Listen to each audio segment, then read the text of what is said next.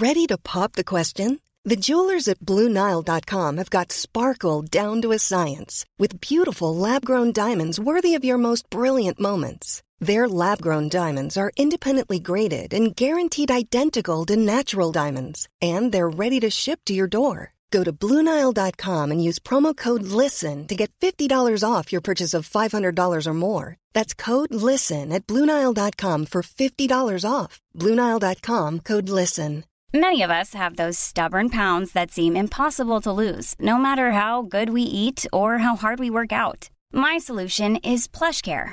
PlushCare is a leading telehealth provider with doctors who are there for you day and night to partner with you in your weight loss journey. They can prescribe FDA-approved weight loss medications like Wagovi and Zepbound for those who qualify. Plus, they accept most insurance plans. To get started, visit plushcare.com slash weight loss. That's plushcare.com slash weight loss. Systrarna Elvstrands hästpodd är producerad av Mediahouse by RF.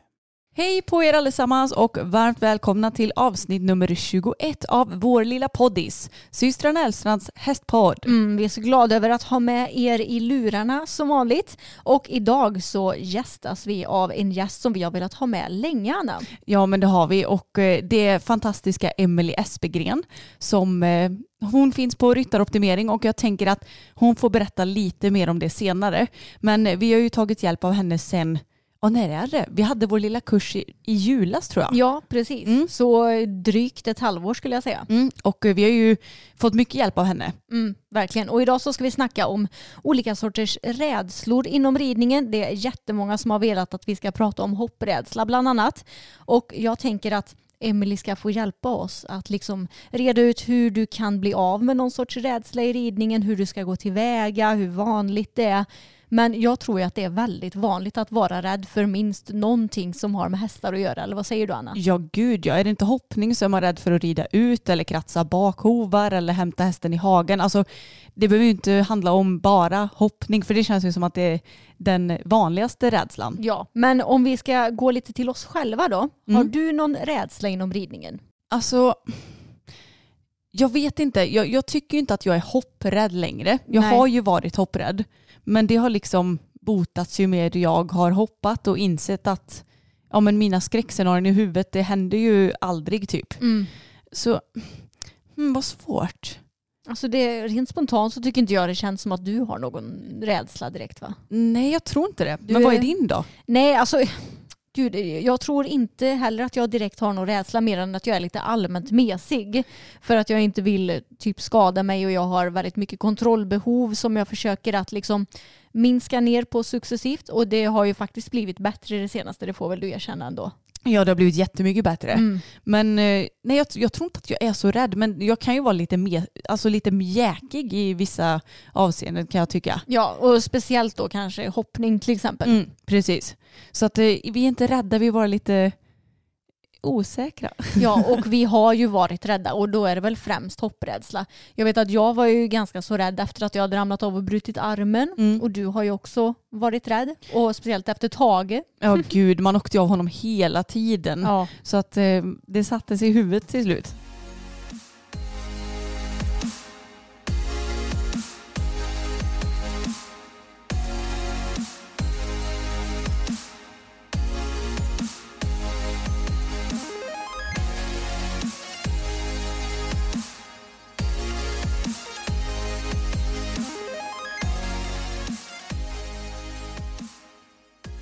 Men eh, hur har din eh, vecka varit då Emma? Jo men den har varit väldigt bra får jag säga. Mm. Vi hade ju en väldigt varm period här på Slätta med liksom typ 30 grader precis som i resten av landet känns det ju som. Och då är det ju väldigt härligt för man kan ligga på stranden men det är ju inte lika härligt att rida.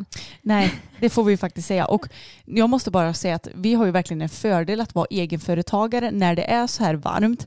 För då har vi gjort så att vi har gått upp tidigt, vi har jobbat och eh, klarat av gymmet på morgonen och sen så ja, men kring lunch så har vi legat några timmar på ja, stranden säger vi. Det är ju en å som vi badar vid Ja. med typ grässtrand och en liten, liten, liten sandstrand. Och sen så på kvällen så åker vi hem, jobbar lite till och rider. Så att vi kan ju anpassa oss efter bra väder också. Mm, det har varit väldigt skönt. Men nu den senaste veckan så har ju det blivit lågtryck igen och betydligt svalare ute. Och jag kan säga att hästarna njuter. De behöver inte stå i lösdrifterna och komma undan några insekter utan- de är ute hela tiden. Och detsamma gäller oss. Vi kan ju rida när som helst på dygnet nu. Precis, och vi behöver inte anpassa oss så mycket efter de där jäkla bitande insekterna som Nej. kommer. Alltså idag nu när vi spelar in, då kunde vi till och med rida ut, ja men liksom på förmiddagen vid typ 10. Ja, och in i skogen. Ja, så skönt verkligen. Och dessutom så har ju hästarna varit duktiga det senaste också. Ja, det känns som att vi säger det i varje podd typ. Ja, men för, ja, förra podden då var vi lite besvikna över den dåliga hoppträningarna. Ja, men det har ju kompenserats nu. Eller var det förra podden? Jo, det, är det, var, två... det var förra Ja, podden. var vi det. spelade in den precis innan vi skulle rida den Just det. hoppträningen. Så var det. Mm. Men eh, de skötte sig jättebra på hoppträningen nu senast och eh, det var väl den sista för den här säsongen tror jag. Ja, jag tror det också. Mm. Men de var jätteduktiga och eh, det kändes som att vi inte alls hade de problemen som vi hade förra veckan. Ja, men så var det ju verkligen. Och Bella hon kändes så himla fin. Hon var mycket mer framme för skänken, väldigt med mig hela tiden. Hon rev inte ett hinder på hela träningen och jag tänkte att nu ska jag ha en träning där jag själv inte failar en enda gång heller. Men jag gjorde det en gång. Så det var ju lite segt för jag hade som mål att inte göra det. Ja, men vad fasen, vi kan inte vara helt fläckfria Nej. men det är klart att man försöker alltid att sträva efter att vara i den här härliga bubblan, ridbubblan, Mm. hela träningen och eh, verkligen hålla, hålla fokus och så. Ja, jag tappade den bubblan en gång Mm. och då blir det fail. Alltså man måste verkligen vara så fokuserad när man rider. Mm, men det är så konstigt för att jag har alltid trott att det här med fokus, att man måste tänka att ah, men nu måste jag hålla galoppen i svängen och lalala. Alltså, du vet, man är som en liten ridlärare för sig själv i huvudet. Men jag kan tycka att det behöver inte alltid vara så. Utan man känner bara att man är i något form av vakuum typ. Och ibland behöver man inte ens tänka utan man bara gör. Ja. Kan du uppleva det också eller? ja, men det kan jag uppleva verkligen. Det är väl det som kallas för flow tror Ja, jag. jag tror det med. Vi har dessutom anmält oss till våra första tävlingar nu efter det här coronauppehållet. Ja, och din första tävling överhuvudtaget i år Ja, alltså det är helt sjukt. Jag kommer att göra min första tävling för året i augusti. Mm. Jag kan inte ens minnas när det hände sist alltså. Nej, jag tror inte det någonsin har hänt. Nej. Och dessutom så har inte Fokus tävlat på över två år kommer han inte ha gjort. Alltså på en Nej. riktig tävling. Vi har varit ute på Pay and Rides men eh, det räknar jag inte som riktig tävling. Det är Och- bara miljöträning. Ja, och det var dessutom väldigt länge sedan ni var iväg på en pay and ride. Ja Anna. det är typ ett år sedan. ja, ja, mer än ett år sedan väl? Ja vi var nog inte ute på något enda kul förra Nej, året. alltså det är, nästan ett, det är nästan två år sedan ni var ute på pay and ride också. Men I alla fall ett och ett halvt år. Men vad har jag gjort det senaste året eller? Ja, du har tränat på här hemma. Jo det har jag gjort och jag tror ändå att det har varit nödvändigt för oss för att Mm. eh, ja men han behöver ju liksom få sitt fokus. Fokus behöver fokus på mig Mm. och eh, ändå förstå det och vi har ju tränat mycket miljöträning hemma och lite hur jag ska tänka och så med honom. Men det ska bli jättekul i alla fall. Jag ska tävla dressyr med fokus, en lätt B2 i Grevagården den 2 augusti och du ska till Floby. Jajamän, den 23 juli. Och eh, planen var, eller jag först anmälde jag mig på Bella och så frågade jag Anna, men vill inte du vara med och hoppa lite på boppen också? Ja, och det hade varit jättekul. Men jag kände bara att jag orkar inte riktigt stressa med att liksom träna ihop mig med honom. Jag har ju typ inte hoppat honom på evigheter. Nej, det har mest varit jag som har gjort det, Mm. det senaste. Så att eh, därför så kände vi att ja, ja, men då kör jag med två hästar istället. Ja, så jag ska faktiskt både hoppa Bella och boppen i 90 centimeter. A0 plus A0 och det ska bli jättekul. Alltså jag minns inte när jag tävlade boppen senast. Det var nog 2018 måste det ha varit så. Ja, för det var bara jag som tävlade honom förra året. Ja, jag tror inte jag har tävlat boppen sen innan jag köpte Bella. Och det gjorde jag i maj 2018. Men gud, så det är på tiden nu. Ja men det är på tiden och jag har ju varit så himla sugen för det har gått så bra när jag har hoppat honom och han är ju så himla rolig och härlig och jag vet att han jag vet ju hur han beter sig verkligen på tävling Mm. och sådär. Så det ska bli superkul verkligen. Och sen så är jag ju taggad med Bella också såklart. Hon har ju bara varit ute på en tävling i år och det Alltså det gick ju inte dåligt men hon var lite spänd och sådär. Så jag hoppas på att kunna få en bra känsla nu på den här tävlingen helt enkelt. Mm. Men planen inför dessa tävlingar är ju att eh, försöka komma ut på lite öppna banor och eh, vi ska åka iväg till lite olika paddockar och sånt för att miljöträna. Och det har vi faktiskt också gjort i veckan. Ja det har vi gjort. Vi Mm. var hos vår kompis som bara bor ja, men fem minuter med bil härifrån. Och det var superbra för hon har en 20 gånger 60 paddock. Så du kunde ju dels träna på program för Mm. du rider ju oftast program med lång bana på fokus. Och för min del, alltså vår paddock är ju 24 meter bred och ridskolans ridhus är är det 27. Mm. Så ni hör ju, vi är vana vid att rida i ganska så breda paddockar och ridhus. Och när jag fick rida i ett 20 meter brett, eh, en 20 meter bred paddock, jag bara Oh my god vad smalt det här är. Ja, jag vet. Man blir lite bortskämd med bredden och jag menar Mm. 20 meter är ju egentligen inte smalt, det är ju helt normalt. Men bara för att man är van vid fyra meter till, det, ger, alltså det gör väldigt mycket med de fyra Ja. metrarna. Och Bella hon är en häst som gärna vill glida lite inåt också. Mm. Och speciellt eftersom hon kanske inte riktigt orkar samla sig så mycket så att jag orkar hålla ihop henne i hörnerna och samtidigt få ut henne för innerskänken. Då blir det mycket enklare att rida i en lite bredare paddock. Mm. Men väldigt, väldigt bra att träna på för jag vill ju tävla dressyr på henne också. Mot slutet av sommaren är tanken att jag ska göra det och då är det väl antagligen en 20 40 bana som jag ska rida på. Mm, så det är perfekt träning och de skötte sig jättebra. Hon är egentligen en ganska tittig paddock för det är en gräsvall på ena långsidan och det var hästar ute i hagen i paddocken bredvid och sen så var det en eh, laggårdsvägg och det stod hinder utanför och sånt men det var inga konstigheter. Nej, det gick superbra med båda två. Ja, så vi är nöjda och glada. Då har vi fått in vår gäst här i studion så vi säger hej och välkommen till Emelie Espegren. Ja, men hej hej. Jag tänkte att du skulle börja med att eh, presentera dig Emelie. Vem är du och eh, vad är det här ryttaroptimering som du sysslar med? Ja, eh, jag är eh, en 33-årig tjej som bor på en hästgård eh, ungefär en timme härifrån. Och eh, jag brinner verkligen för hästar, en riktig hästnörd.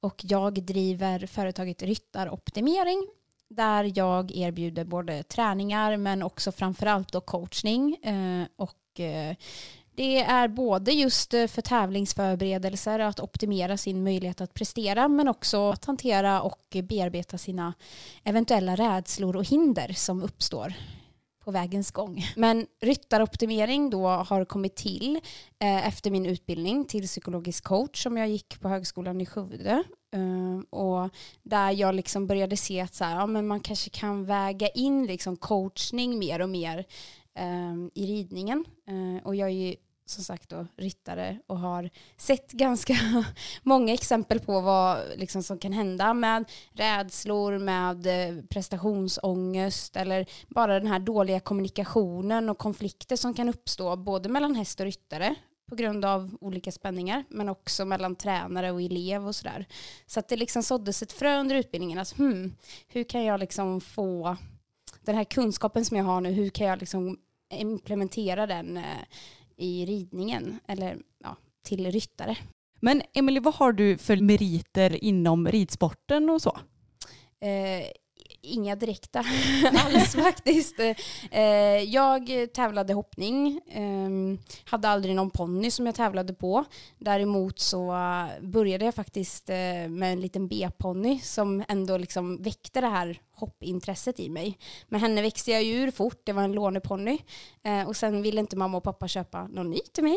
Eh, och då fick man improvisera lite och då hamnade jag i ett hingststall med två New Forest-hingstar som jag eh, fick äran att pyssla om och rida och träna och jag fick ha dem som mina egna.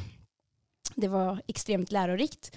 Sen efter det så fick jag min första riktiga häst då, min först ägda häst också. Då var jag 16 år. Och då var det hoppning och liksom sky's the limit så att säga. Men det, det var ju inte så enkelt som jag trodde liksom. Bara för att man fick hästen och man kunde träna och sådär. Men det är så mycket mer som ska till så att eh, det tog väl kanske, ja jag gav det väl 10 år ungefär. Och sen när jag var runt 26 så insåg jag att nej men hoppning är nog inte min gren i alla fall. Eh, och efter det har jag ju satsat nu på dressyren Eh, de sista åren. Och där har det ju gått lite snabbare upp. Eh, passar mig mycket bättre som gren. Eh, jag är ganska analyserande och tycker om utveckling och att nörda ner mig och liksom både tekniskt men också liksom koppla på känslorna och verkligen känna vad det är liksom som händer och sådär. Så att eh, mm, där har vi ändå, jag och min häst Maggan då, eh, gått från lättbia till eh, placeringar i Sankt Georg på fyra år. Har Mm. vi gjort. Så det är där vi är nu. Och Mm. vi hoppas kunna rida GP, men vi får se. Allt kan hända. Gud vad inspirerande och härligt att höra får jag säga. Ja, verkligen. Och eh, hoppas att ni når era drömmar. Ja, tack. Men ska vi ta och köra igång med själva ridrädsledelen då? Och i ditt företag, eller man ska säga i ryttaroptimering, är det vanligt att ryttare kommer till dig för att de behöver få hjälp med olika sorters rädslor? Ja, eh, det är ganska vanligt skulle jag säga. Det kanske är ungefär 50 procent av mina kunder. Eller egentligen oftast faktiskt är det mer än 50. men 50 procent som liksom första gången kommer in eh, i samtalet. Och sen ibland och ganska ofta så upptäcker man efter något samtal att okej, okay, här fanns det ändå liksom någonting som spärrar. Eh, men ungefär 50 procent hör av sig för att mm -hmm. det är ridrädsla som man vill bearbeta eller få hjälp med. Vilken är den vanligaste sortens rädsla som folk kommer in med då? Ja, alltså det finns ett antal då som är vanligast skulle jag säga. Hopprädsla är en, eh, en del i det. Den är ganska specifik så där är det ofta att allting fungerar men att det låser sig och blir spärr just när man ska hoppa. Eh, sen är ju leda hästar, ta in och ut från hage för att och då är det ofta kopplat till att man har varit med om en olycka. Eh, rida ut är också en vanlig trafik, att, man har bli, att det har hänt något i trafiken och att man liksom låser sig när det kommer bilar och sådär. Eh, så det är nog de som är absolut vanligast. Men mm. sen finns det nästan, ja, det finns så många olika. Det är också sådana som varit med i en specifik gren eller att det har hänt något på tävling i en specifik situation. Så att det är väldigt specifikt, eller så situationsspecifikt då, så mm. att säga. Precis, det är väldigt mm. intressant att höra. För vi frågar ju våra eh, lyssnare också och de skickade in massor alltså, av olika situationer som de är rädda i. Det var mm. verkligen allt ifrån hoppning till att leda häst till att kratsa hovar. Alltså verkligen allting. Så jag kan bara säga att alla ni som lyssnar och har någon sorts rädsla, ni är verkligen inte ensamma utan jag tror att ja, men säkerligen de flesta av oss som håller på med hästar har i alla fall någon gång upplevt någon sorts ridrädsla. Men också en grej som är intressant att höra på det är att du säger att det har berott på tidigare grejer som de har varit med om. Mm. Och är det så generellt med rädsla att de ofta beror på tidigare erfarenheter eller kan det också bero på att man typ oroar sig för vad som skulle kunna hända? Det finns jättemånga olika anledningar. Eh, om man tittar bara till en persons personlighetsdrag så är vissa personer mer neurotiskt lagda. Alltså man har den tendensen i sin personlighet att oroa sig, bli rädd. Eh, och då behövs det kanske inte ens att man har varit med om en olycka eller en specifik situation. Det räcker med att man kanske har sett någon annan och sen låter man det liksom gro till en fantasi. Och den eh, fantasin blir liksom till en verklighet. Eller det är väldigt svårt att skilja på vad som är fantasi och verklighet. Kroppen reagerar ungefär likadant så man blir paralyserad och fantiserar sig fram till en katastrof. Och det värsta är ju att det kan också bli då den här självuppfyllande profetian. Att det händer. Mm. Men, men som du själv också var inne på, att, att bli rädd i sig, det är inte någonting som är ovanligt. Det är inte heller någonting som vi liksom ska sträva efter att inte bli. För rädslan i sig, den signalerar ju att vi är i en situation som vi uppfattar som farlig. Och eh, rädslan hjälper oss ju faktiskt att reagera för att kanske rädda oss undan den situationen. Så att, att den reaktionen kommer i en situation när man har en häst som ställer sig på bakbenen eller när man är nära på att bli påkörd, det är ju i sig inte någonting som vi inte ska liksom eftersträva utan det är ju en sund reaktion eh, som vi ska vara glada för att vi har. Eh, men det som blir till ett problem det är när rädslan sen sätter sig så att den hindrar oss från att liksom göra någonting som vi vill göra eller till och med kanske liksom gör så att vi blir farliga i en specifik situation för att vi får sådana spärrar eller en panikattack helt enkelt. Mm, precis, för jag känner igen mig ganska mycket från typ mina tidigare ridrädslor eller bara liksom så små osäkerheter. Till exempel vid hoppning att jag kan bli liksom, ja, men lite paralyserad. Att man liksom inte rider ordentligt utan då bara man sitter där och typ väntar på att det dåliga ska hända eller vad man ska säga. Ja, och det är ju en, en av de vanligaste reaktionerna. Mm. Det finns några olika. Mm. En annan är ju att man, ja, har du väl kommit på hästen så är det nog den absolut vanligaste. Eller ja. att man börjar överrida och liksom en mm. hopprädd ryttare kanske bromsar hästen till varje hinder mm. omedvetet till exempel. Eh, just, och då blir det ju den här självuppfyllande profetian som, som jag pratade om. Mm. Att man, man tror att man ska få ett stopp och omedvetet så sitter man och rider för stoppet istället för att rida för att man faktiskt ska klara hindret. Då. Men för dig som coach, hanterar du alla rädslor på samma sätt eller måste du göra olika beroende på vad eh, ja, men dina kunders rädslor kommer ifrån? Ja, det är aldrig, jag har nog aldrig jobbat exakt lika med två olika klienter om man säger så, utan man, vid ett första samtal så sitter man ner och försöker att eh, först identifiera men vad är, vad är rädslan, vad är det jag är rädd för? Eh, och när man vet, ja men det är det här, exakt det här, det är oftast en specifik situation som ni har varit inne på. Det är väldigt sällan liksom att jag är rädd för alla hästar, det händer liksom inte så jätteofta, utan det är mer liksom att jag är rädd för att leda ut min häst som vi var inne på, eller jag är rädd för att hoppa. Och då när man har okej, listat ut, det är det här jag är rädd för. Då behöver man ju också få en förståelse för att okej, så vad beror den här rädslan på? Det är inte så att vi ska sitta och älta det sen liksom och gå tillbaka till barndomen. Det är ingen terapi vi håller på med. Men förståelsen i varför man, alltså rädslan har uppstått är oftast väldigt befriande. Att när man förstår, ja men det var den här situationen som utlöste det här. Då kan man liksom avdramatisera det lite grann också. Eh, så förståelse, acceptans är ju det det som är gemensamt eh, för alla klienter. Men därefter så, ungefär där, så börjar det skilja sig åt. För då behöver man, för det första då, beroende på vad det är för typ av rädsla, behöver man göra en typ av behovsanalys och såklart sätta också ett mål så att vi vet, men vad är liksom, är målet att du ska kunna rida precis som förut? Är målet att det ska bli bättre? Är målet att du ska kunna hantera det så att vi vet liksom vart är vi vart är det vi ska och sen göra en behovsanalys. För att alla har olika resurser, förutsättningar och möjligheter då att hantera den här ja, situationen och att bearbeta sin rädsla. Ehm, så det är jätteviktigt för mig som coach att veta liksom, vem är det jag har framför mig och hur ser dina förutsättningar ut? Och därefter så lägger man upp en plan. Mm. Jag tänker att vi kan nästan dra ett litet exempel, för jag tycker att mitt exempel med mitt inom stationstecken kontrollbehov som jag har haft i hoppningen, det har ju vi tagit hjälp med dig av. Mm. Och vi konstaterar ju att det beror ju på, alltså problemet för mig det är att jag är rädd för att komma fel på hinder. Och vi har ju kunnat dra det här tillbaka till att jag ramlade av och bröt armen. För i den situationen så tappade jag kontrollen och jag red liksom bara iväg hästen så att vi kom fel och sen så bröt jag armen. Och nu idag så har jag svårt för att liksom känna att jag inte har en typ 100% känsla när jag rider mot ett hinder. Eller åtminstone 80-90% känsla. Mm. Och hur har vi gjort med mitt problem? ja men i ditt fall är det ju mycket att jobba med en acceptans eh, kring att det kommer aldrig kännas 100% bra en hel bana. Eh, och det gör det inte för proffsryttarna heller. Nej. Utan att någonstans också ha tilliten till att liksom är det, har man satt bra galopp och sitter i balans och har ett flyt, liksom att man på något sätt accepterar att då kan jag komma lite fel och hästen kommer lösa det ändå. Det är ju det vi mm. har eh, liksom jobbat med. Eh, när du har suttit och kanske känt att så här, nej men nu ligger jag lite fel och så blir du paralyserad och lägger av med ridningen och så blir hästen så här, what, vad händer nu? Hon har ju suttit och kontrollerat mig här hela banan mm. och sen plötsligt bara försvinner hon. Liksom.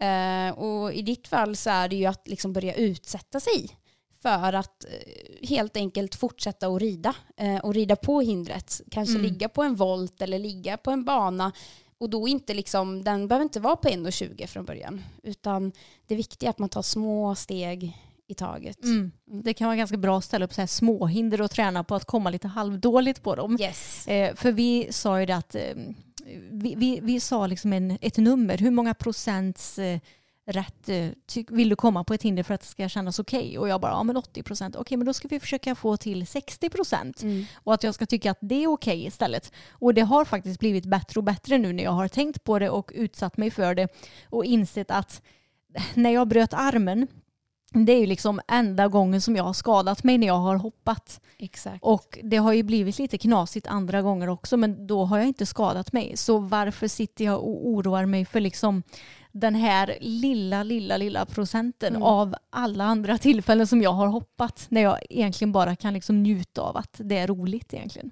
Eller hur? Och sen eh, det är så himla lätt när rädslan tar till att man blir lite styrande och kontrollerande över hästen också och glömmer av liksom samspelet och att hästen är också en individ som kan ta ett visst ansvar om vi låter den göra det. Eh, men eh, sitter man där och styr och ställer och det ska vara perfekt så är det också så att då kopplar man ju bort hästens förmåga att själv kunna lösa situationer och ta lite initiativ. Så att det du håller på med nu är ju att bygga upp både dig själv och din häst Mm. för att faktiskt lyckas bättre. Så det, det, vi är alltid två i den här situationen med hästen och det är lätt att man glömmer av det. Mm. Det är också det som är så himla svårt med ridsporten. Man är ju inte bara själv utan det är hästen som man också har att tänka på. Exakt, och det, det känner jag som coach liksom, och även som föreläsare att det är ett stort plus när man kommer ut att jag vet, jag har själv liksom nästan alla de här situationerna, alla de där rädslorna, det är sånt jag också upplevt. För som ni själva sa, liksom, håller man på med hästar då kommer man i farliga situationer och när man kommer i en farlig situation då kopplas rädslan på. Och vi som människor är gjorda sådana, vi ska inte glömma, har vi blivit tillräckligt rädda i en situation, då är vi byggda sådana. Vi ska inte bara kunna släppa det, gå vidare och aldrig tänka på det, utan det liksom ligger det evolutionärt i oss att vi ska komma ihåg farliga situationer så att vi kan undvika dem. Och det är Mm. det som ställer till Ja, problem. verkligen. Men om vi tar hopprädsla som ett exempel. Eh, ifall du inte har någon coach som kan hjälpa dig, hur skulle du säga att man kan tackla det som ryttare? Först och främst, liksom, vad är det jag är rädd för? Vad är det jag är rädd för ska hända? Eh, det kan vara bra att bara lista ut det. Eh, är det att krascha? Är det ja, att få en bom mellan frambenen? Alltså, vad är det för bild du får? Eh, börja där, för ofta vet vi inte ens. Vi vet att vi tycker det är obehagligt, men vi har inte liksom riktigt bestämt oss för vad det är vi är rädda för. Eh, så att lista ut det först. Sen eh, tänker jag att nästa steg, det är att fundera liksom lite över, men i vilka situationer blir jag som modigast? Är det när jag har mamma eller en kompis med mig eller känns det bättre när jag är ensam och får utforska själv? Så att man tar reda på då vad, liksom, vad är det jag blir modig? När känner jag ändå liksom att jag känner mig självsäker och att jag har stöttning och det jag behöver? Eh, och sen så tänker jag så här att sätt upp små mål aktivitetsmål är jättebra. Alltså inte att du ska ha ett visst resultat, inte en viss prestation, utan bara vad är det jag ska göra idag? Är det att eh, hoppa 50 centimeter? Ja men bra. Nöj dig med det.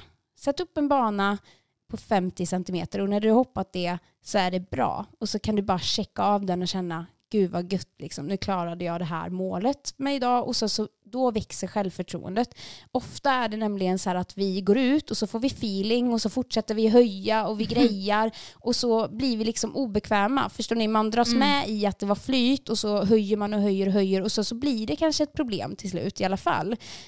Låt det liksom på något sätt så här att ha målet tydligt, vad är det jag ska ha uppnått idag och sluta när det går bra. Det är verkligen ett tips som jag vill skicka med. Det är väldigt vanligt att vi sitter och nöter och nöter och så till slut så blir hästen trött eller vi får oflyt och så slutar vi istället när det gick som sämst. Mm, jag tror alla känner igen sig i det här som lyssnar. Japp, japp.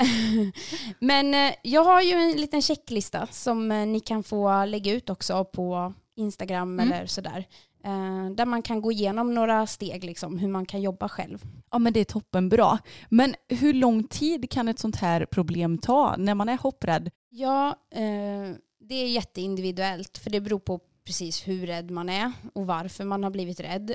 Eh, och som sagt också hur ens personlighet ser ut lite grann, hur man liksom hur lätt man har för att oroa sig. Eh, vissa personer har varit med om en situation, de är egentligen inte speciellt ängsliga i sin personlighet och då kanske man jobbar med en sån här sak i någon månad eller två månader och sen så är det ofta liksom bra.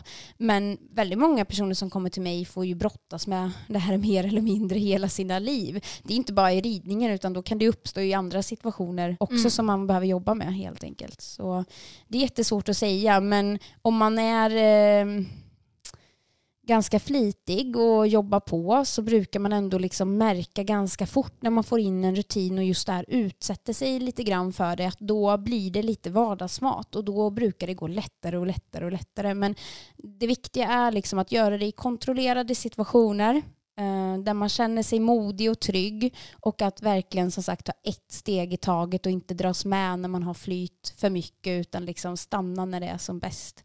För att man är väldigt känslig just för liksom, motgångar eller att det liksom händer det någonting i den här processen så kan det istället liksom bli ännu värre. Så Mm. det är jätteviktigt. Finns det något man kan göra avsuttet för att hjälpa en mot diverse rädslor? Ja, alltså jag jobbar ju mest avsuttet när jag coachar så att mycket är ju faktiskt det kognitiva, alltså hur vi tänker kring vår rädsla och våra automatiska tankar som vi har.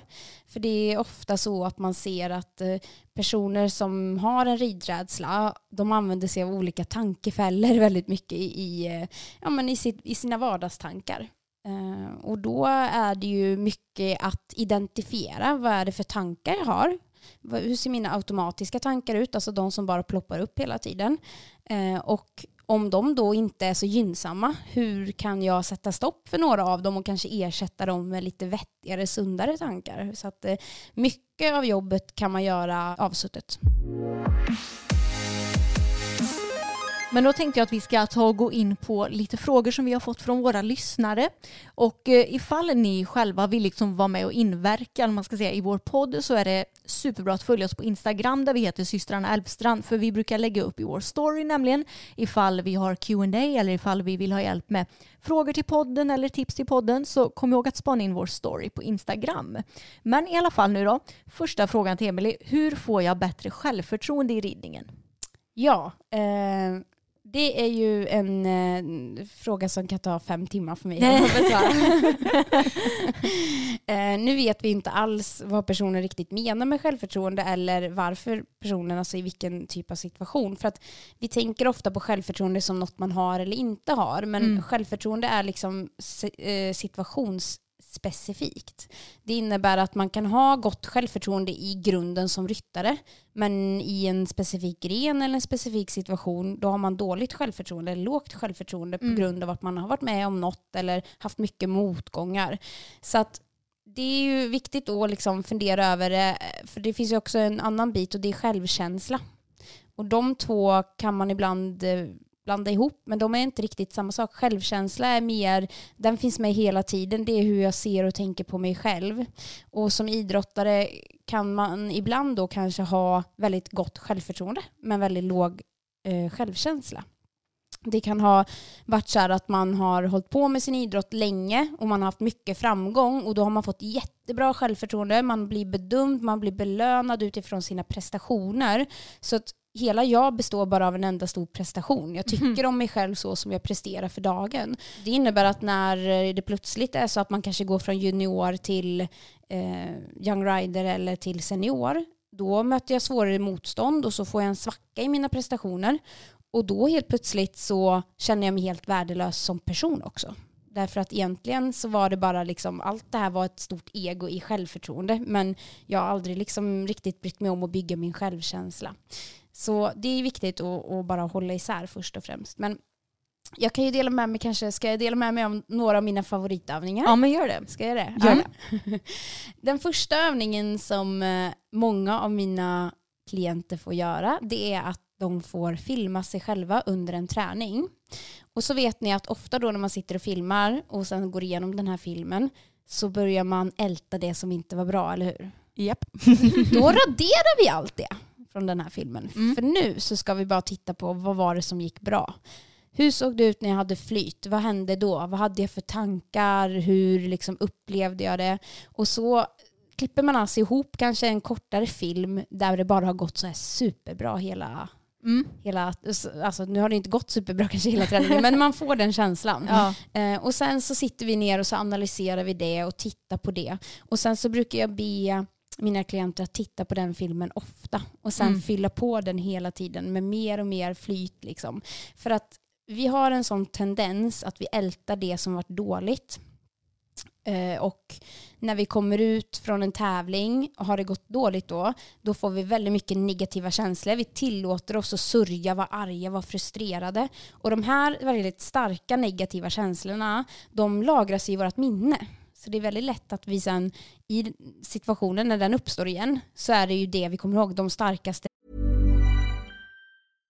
How would you like to look five years younger? In a clinical study, people that had volume added with Juvederm Voluma XC in the cheeks perceived themselves as looking five years younger at six months after treatment. Look younger, feel like you. Add volume for lift and contour in the cheeks with Juvederm Voluma XC. Reverse signs of aging by adding volume to smooth laugh lines with Juvederm Volure XC. For important safety information and to find a licensed specialist, visit juvederm.com. That's J U V E D E R M.com. Not for people with severe allergic reactions, allergies to lidocaine, or the proteins used in Juvederm. Common side effects include injection site redness, swelling, pain, tenderness, firmness, lumps, bumps, bruising, discoloration, or itching. There's a risk of unintentional injection into a blood vessel, which can cause vision abnormalities, blindness, stroke, temporary scabs, or scarring. Talk to a licensed specialist to find out if it's right for you. Burrow is a furniture company known for timeless design and thoughtful construction and free shipping, and that extends to their outdoor collection. Their outdoor furniture is built to withstand the elements, featuring rust-proof stainless steel hardware, weather-ready teak, and quick-dry foam cushions. For Memorial Day, get 15% off your Burrow purchase at burrow.com slash ACAST and up to 25% off outdoor. That's up to 25% off outdoor furniture at burrow.com slash ACAST. Det liksom minnena, de starkaste känslorna kommer tillbaka till oss Så det blir laddat negativt. Så att istället liksom fira framgång, att ta vara på det som varit bra och komma ihåg det, titta på det, vad gjorde jag, hur kändes det och försöka liksom uppleva det oftare. Det, då är det det som lagras eh, i vårt minne. Och när vi är i samma situation igen, då är det den känslan som ploppar upp, den bilden av att vi hade flyt, att det var kul, att jag var nyfiken, att jag utvecklades. Och det är en bra grund. Mm, jag måste säga att det här tipset har jag nog omedvetet gjort, för vi filmar väldigt mycket i och med vårt jobb, men jag kollar typ aldrig på de dåliga filmerna mer än typ om jag har med det när jag klipper ihop en film. Annars så kollar jag bara på det som har gått bra, typ någon hoppträning som gick bra, den kan jag sitta verkligen och kolla på och bara känna just det, jag hade så himla gött flyt den Mm. träningen.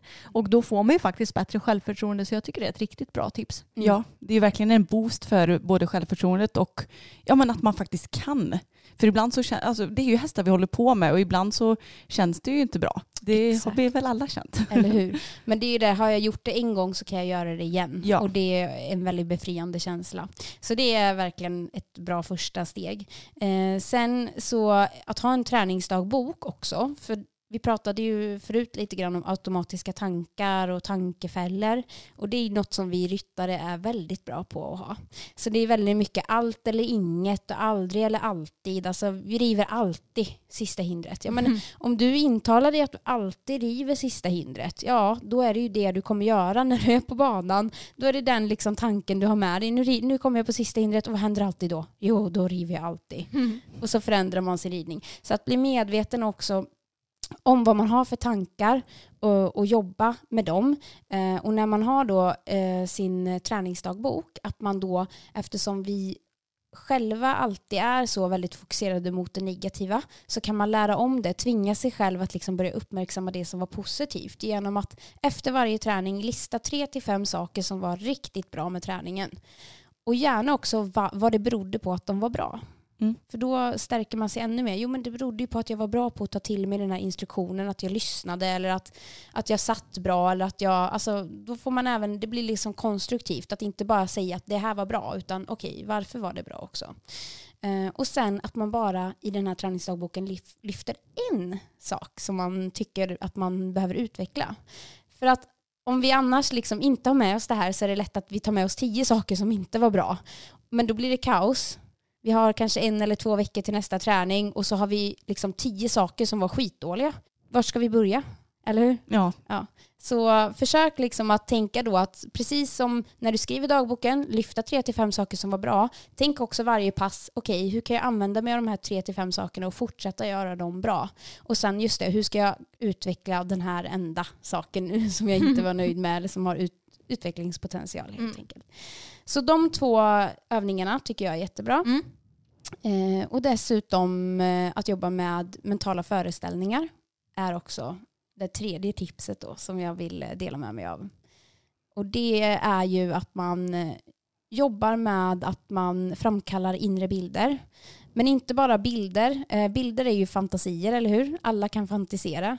Men att man försöker göra de här bilderna, de här föreställningarna så verkliga som man verkligen bara kan göra. Eh, så att man återupplever kanske en, en träning som var bra. Hur kändes det? Hur red jag? Hur, hur luktade det? Vem stod och tittade på? Alla de här bitarna. Liksom. Hur kändes det i hästen? Vilken rytm hade jag i sitsen? Alltså, verkligen försöka liksom, få med alla bitar. Och så gör man det så att, att återuppleva det som varit bra. Man kan titta på det som varit bra och sen så kan man liksom verkligen rida i fantasin det som har varit bra. Och man kan även faktiskt framkalla bilder som aldrig hänt. Alltså man kan göra mentala föreställningar på vad man vill ska hända också. Så man bygger upp scenarier. Eh, man kan träna in en bana, ett dressyrprogram till exempel genom att man eh, först går igenom och memorerar och sen i den här mentala delen liksom bestämmer sig för exakt hur man ska rida, hur det ska kännas i varje del av programmet. Lite på tal om det här med eh, att visualisera saker. Mm. Hur lär jag mig att hantera mina skräckscenarion som jag målar upp i mitt huvud under ridning och hur får jag bort de tankarna?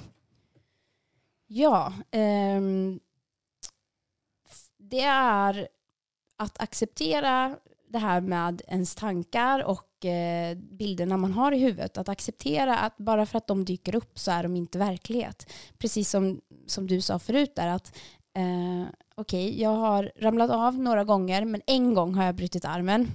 Jag har hoppat kanske tusentals hinder. Mm. Och en av de gångerna ramlade jag av och slog mig riktigt illa. Mm. Det kan vara ett första steg att förstå att, att det här jag får i mitt huvud, det är bara fantasier. Det är bara fantasier och de gör mig inget gott. Eh, det är ju första steget att förstå det och acceptera det och sätta sen stopp för det. Eh, och hur sätter man stopp för det då? Kanske någon undrar nu. det finns många olika tekniker men att ha någon typ av stoppteknik brukar vara bra.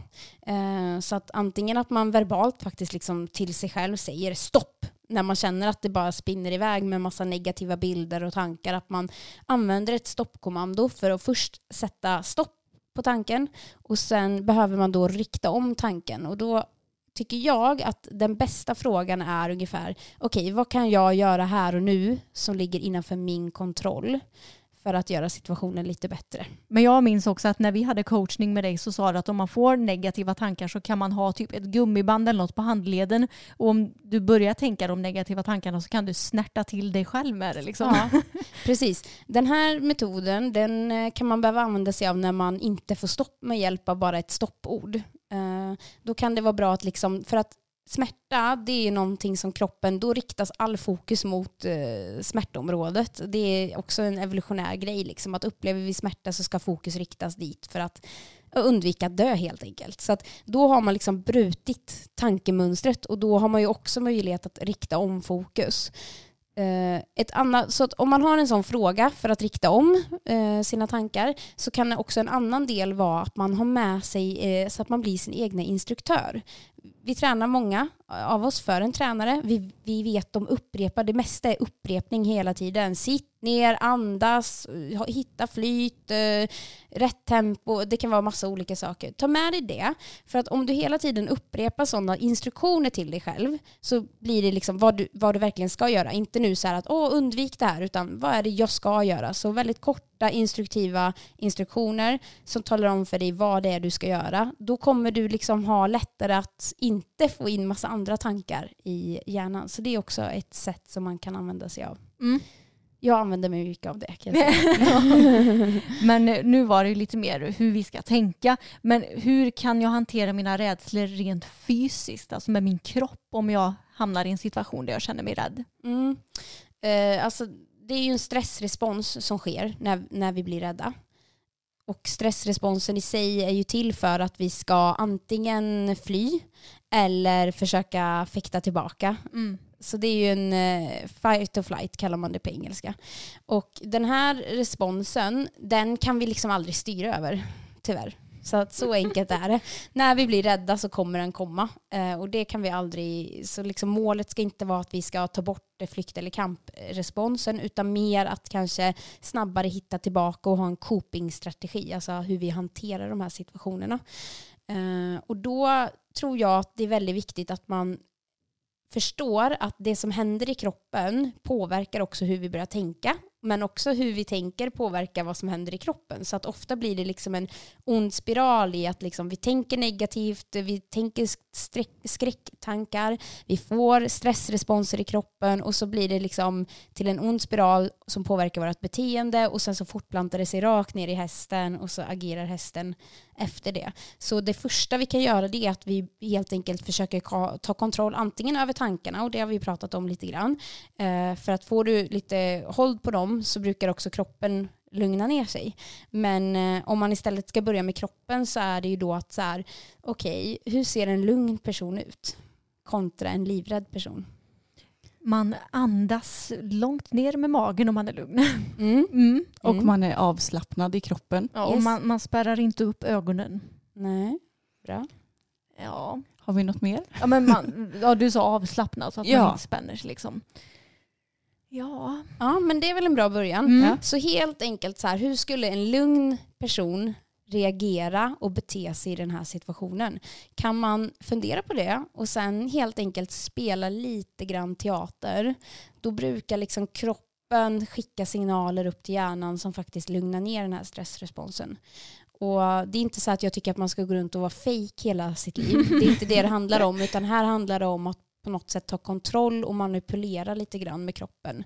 Vad som händer, vad som pågår uppe i hjärnan. Och en annan sak, för ni, det ni sa var jättebra, släpp ner axlarna, djupandas gärna med magen, lugnt, tänka på långsamma rörelser. En stressad person blir väldigt ryckig och snabb, ögonen blir flaxiga. Försök liksom direkt att långsamt så här med ögonen och bli extra långsam i kroppen. Men också, har ni sett någon gång en rädd person som sitter och ler avspänt? Nej. Nej. Nej. Det är väldigt lätt, liksom, om man tittar på en rädd eller stressad persons ansikte så är det ihopstramat, det är väldigt spänt. Liksom. Mm.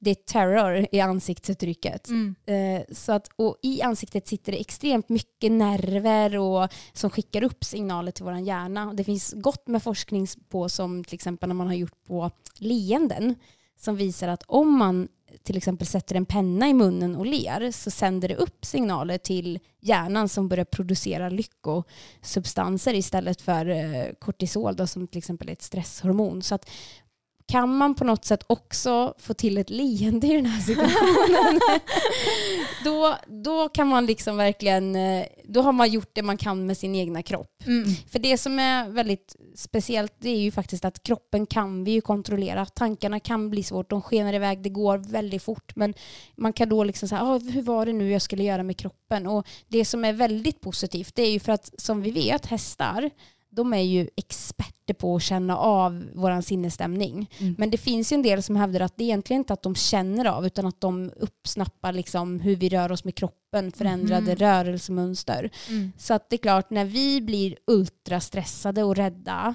så med våra kroppssignaler så skickade vi, skickar vi ut till hästen liksom att hallå passa dig. Nu är vi i en potentiellt livsfarlig situation. Och vad är hästarna? De är Flyktdjur. yes, och flockdjur också. Ja. Mm. Så de är liksom gjorda för att snappa upp sådana signaler superfort och sen agera på det. Och de har ju inte den kampinstinkten som vi har på samma sätt utan de flyr helst om de kan. Mm. Och sitter det då en superstressad häst, äh, ryttare på en superstressad häst så ja, då kan det gå nästan hur som helst ju. Mm. Verkligen. Och nu då en fråga som jag känner igen mig väldigt mycket i, nämligen det handlar om kontrollbehov och hur kommer jag ur comfortzonen vid exempelvis hoppning och att man sitter och ja, men plockar i handen till exempel framför hinder. Mm. Vi har ju varit inne lite på det, alltså att, att utsätta sig i en trygg miljö för sånt som man inte tycker är så trevligt kan vara ett bra sätt liksom att, att komma ur komfortzonen. Och att det handlar väldigt mycket om att det ska bli till en vana. För att det är ju ofta så här att om vi tycker någonting är obehagligt så undviker vi det så mycket vi kan. Och då blir det också till en väldigt big deal när vi väl gör det. Eh, Så att det här med att sitta och plocka till exempel, det är ju ofta att skulle du hoppa fem hästar om dagen eh, alla dagar i veckan så skulle du kanske sluta med det ganska fort. Men det som är svårt med hoppningen kontra dressyren är att vi kan ju inte hoppa vår häst varje dag på höga hinder för då rider vi sönder den. Mm. Så för många ryttare så har man bara en häst och då kan man bara hoppträna kanske max, max två gånger i veckan. Egentligen kanske bara en gång ju på riktigt. Eh, och då, eh, då får man ju inte riktigt den här rutinen till det. Men det man kan göra då, det är ju att man använder sig av de här mentala föreställningarna så att man verkligen börjar träna sig på att rida avspänt och coolt och vänta in hindret och låta hästen liksom bara suga tag i hindret själv utan att man lägger sig i. Och det kan man ju faktiskt träna då just mentalt.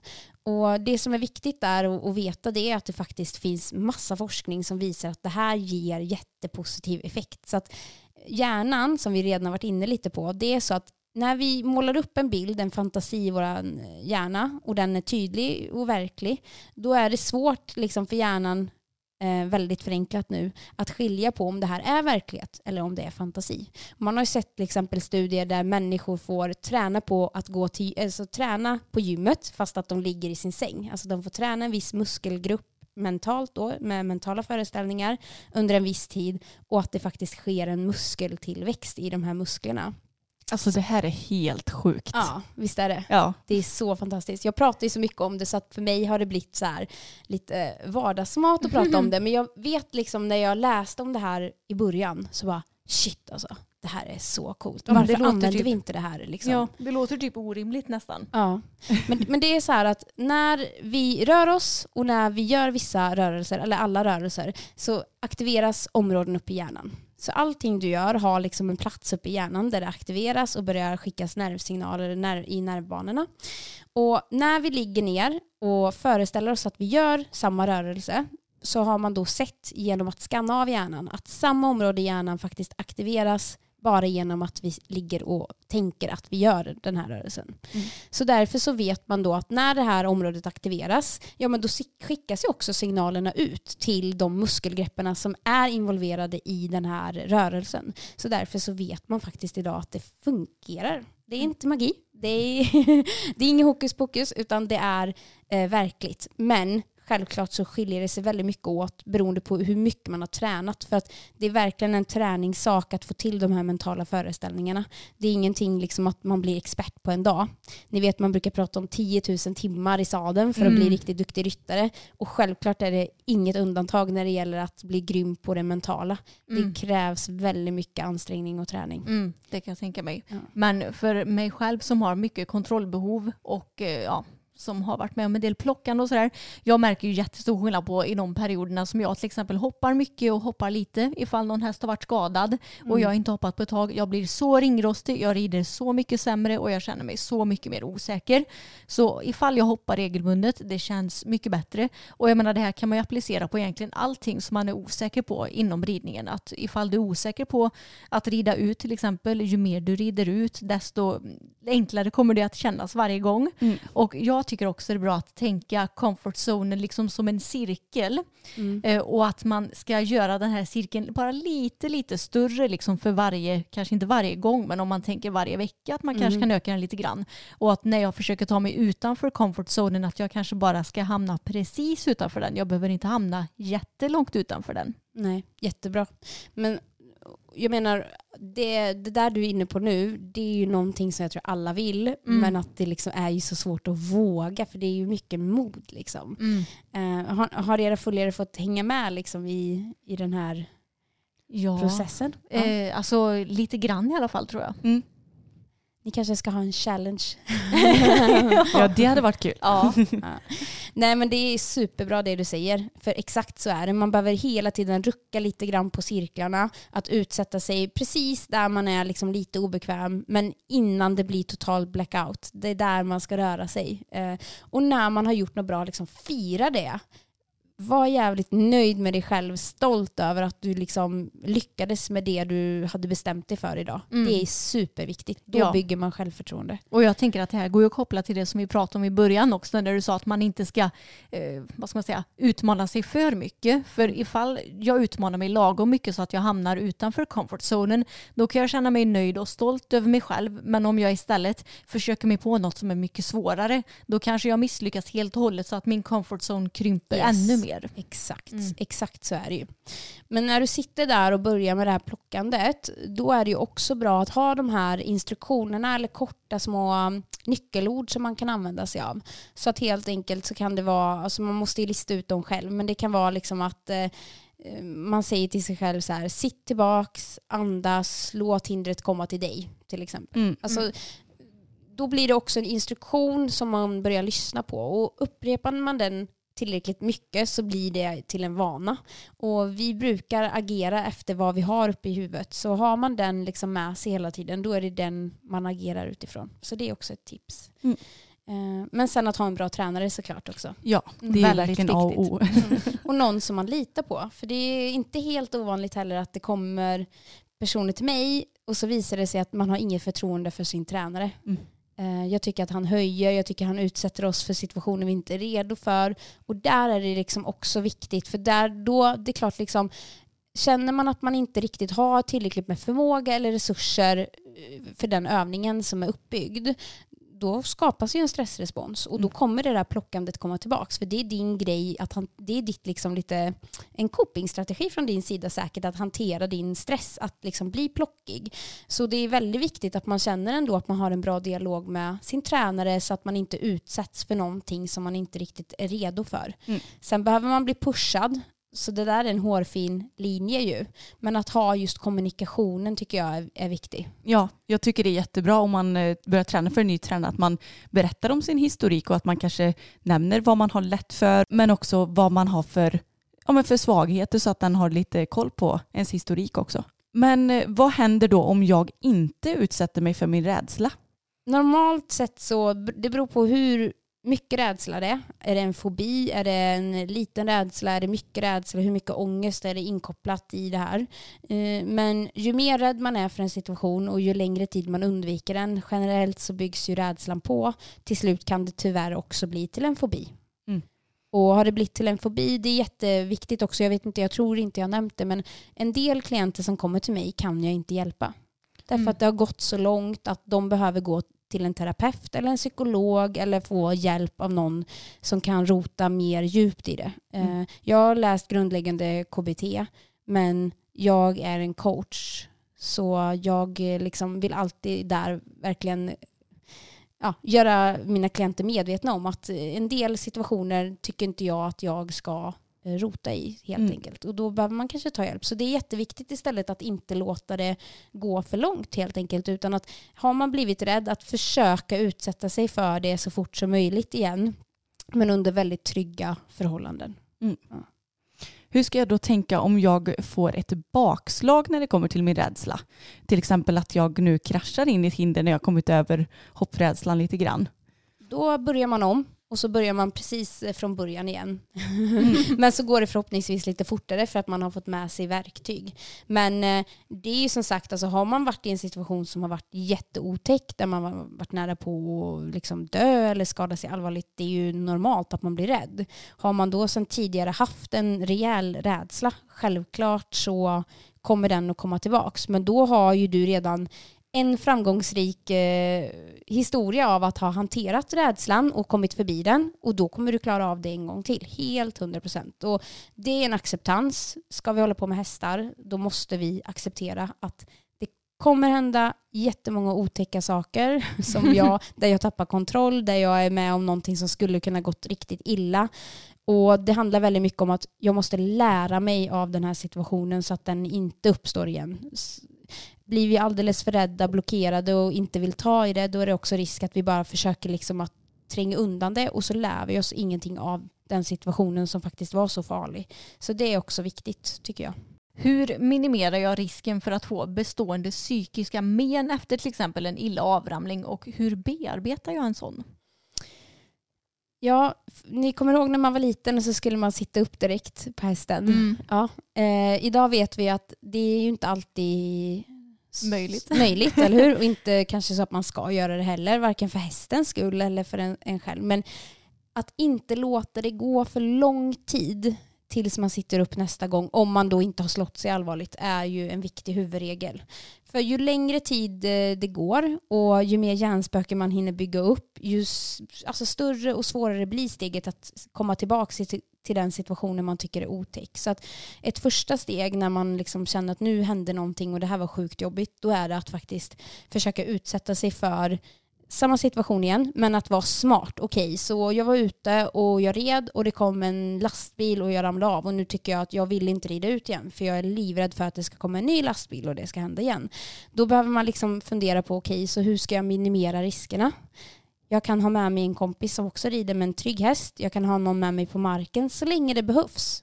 Det är inget nederlag att liksom våga be om hjälp. Det är ingen som tycker att man är tuntig eller liksom övernipprig. Har man ramlat av och slått sig, då ska man vara sin bästa vän att ge sig själv förutsättningarna nu att liksom lyckas med det man ska företa sig. Så att verkligen bygga upp det så säkert som man kan i början och sen så släpper man på det en en liten bit i taget. Så att det, det är inte så att nu red jag ut en gång och så gick det bra när jag hade alla de här säkerhetsåtgärderna. Då plockar vi bort en efter en.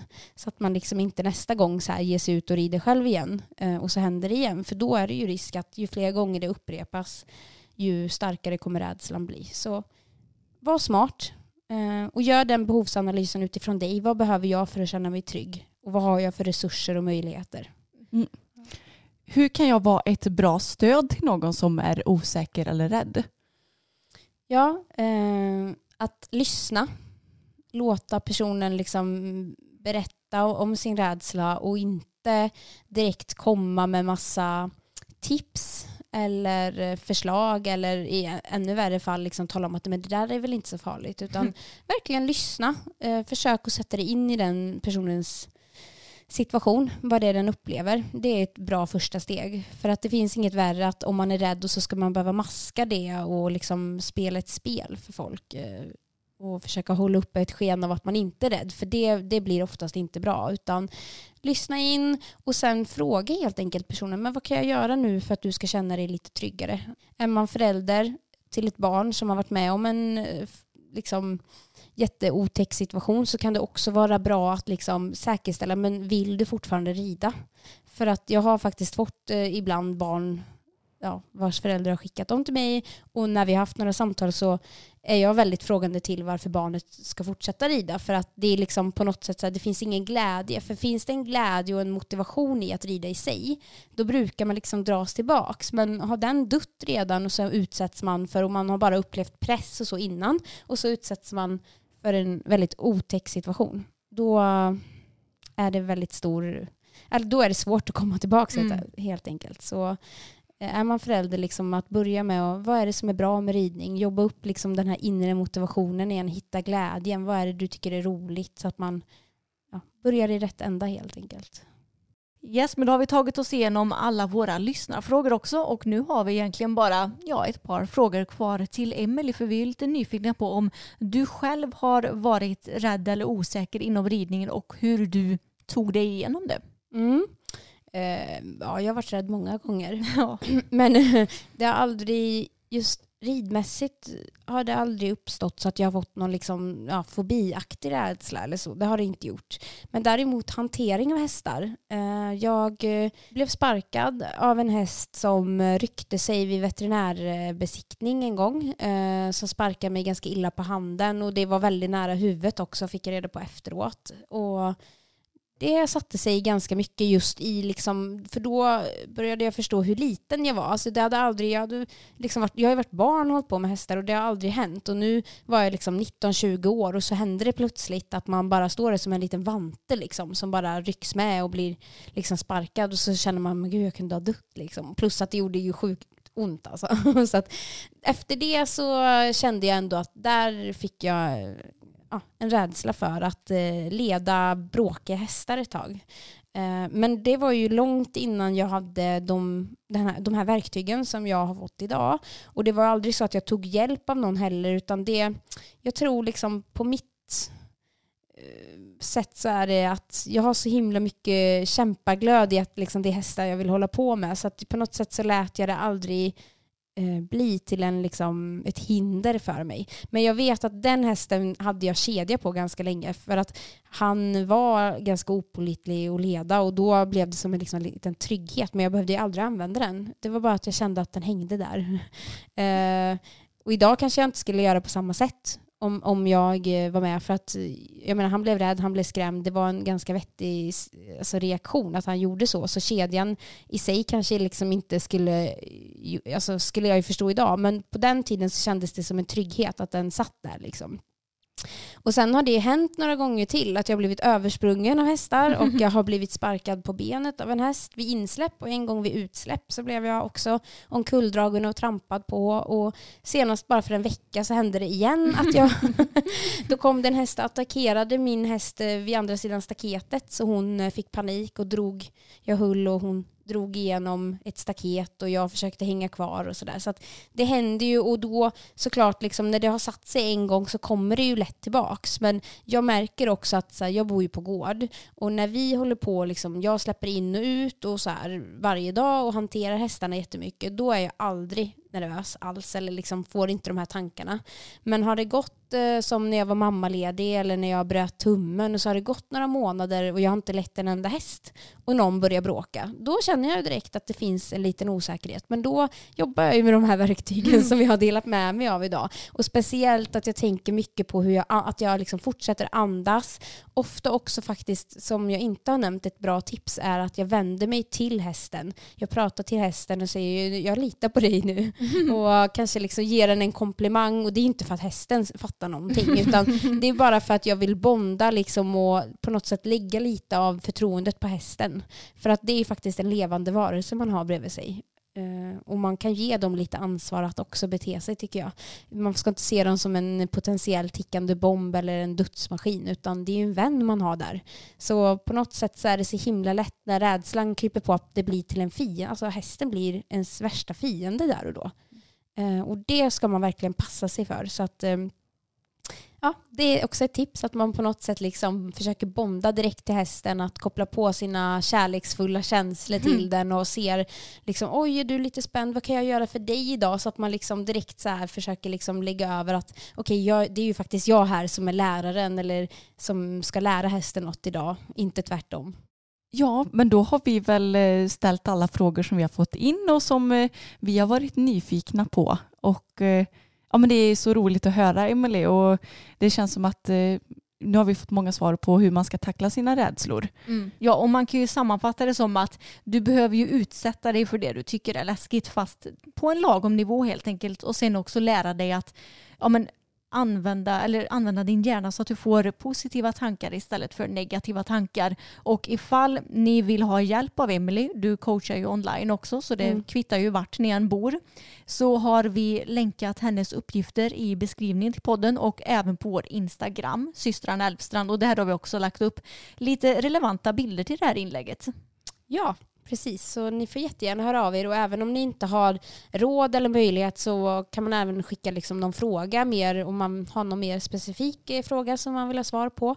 Jag kanske inte svarar precis på dagen nu över sommaren för jag har lite så semesterdagar inplanerade men jag lovar att svara om, om det kommer in så kommer jag definitivt. För jag gillar att liksom få veta mer om, alltså jag är ganska nyfiken av mig också. Så att eh, ju fler olika case jag stöter på och ju mer människor man får prata med ju roligare är det. Så att skicka gärna in om ni har någon fråga så också så kan jag besvara den. Mm. Mm. Och eh, ifall det är någon som är lite ansvarig inom ridklubb som lyssnar också så kan vi tipsa om att Emily kan ju komma och ha föreläsningar på ridklubbar. Det hade du bland annat på vår ridklubb i våras innan vi förstod att eh, corona skulle komma så hade vi en liten tävlingskickoff och alla var supernöjda och tyckte att det var väldigt inspirerande. Så det kan vi verkligen rekommendera och eh, vi kan ju skriva in din mail också i beskrivningen här ifall ni vill kontakta Emily.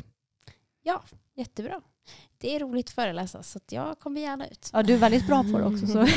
ja, och eh, vi är ju supernöjda både med, med föreläsning och eh, med den hjälp vi har fått av dig. Mm. Det är kul att få lite verktyg för att bli en bättre ryttare. Mm. Och eh, vi ska ju ta avsluta med att säga att nu i det här avsnittet så har vi kanske snackat lite mer inriktat på hopprädsla just för att ha ja, men något exempel som man kan referera till.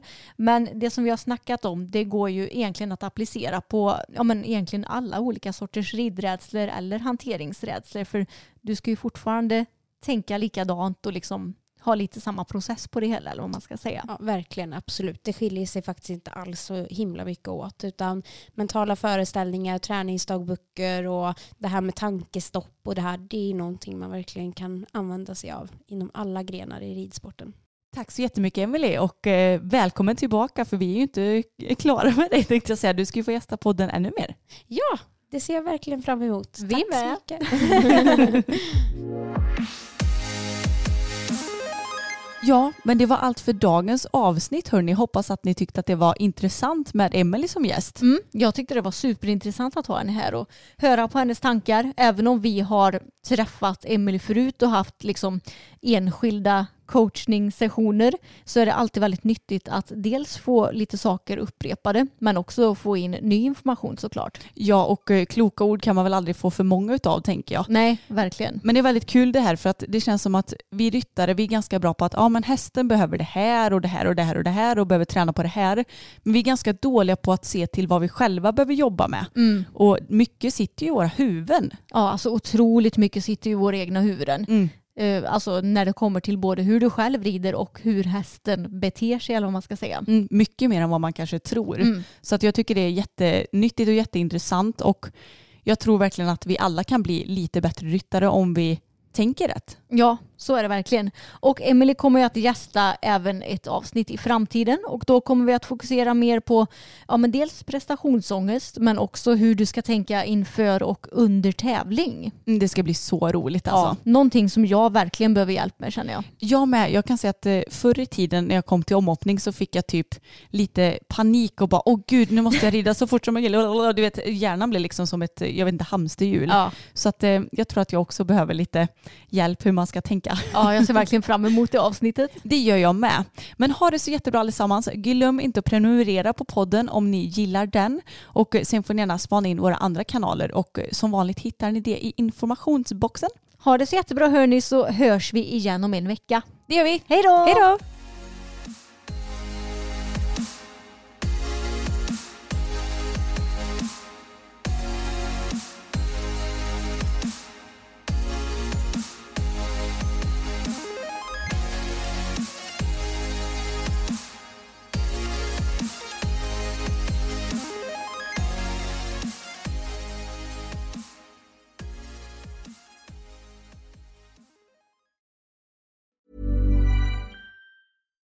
Here's a cool fact a crocodile can't stick out its tongue. Another cool fact you can get short term health insurance for a month or just under a year in some states. United Healthcare short term insurance plans are designed for people who are between jobs, coming off their parents' plan, or turning a side hustle into a full time gig. Underwritten by Golden Rule Insurance Company, they offer flexible, budget friendly coverage with access to a nationwide network of doctors and hospitals. Get more cool facts about United Healthcare short term plans at uh1.com. A lot can happen in three years, like a chatbot may be your new best friend. But what won't change? Needing health insurance. United Healthcare Tri Term Medical Plans, underwritten by Golden Rule Insurance Company, offer flexible, budget friendly coverage that lasts nearly three years in some states. Learn more at uh1.com.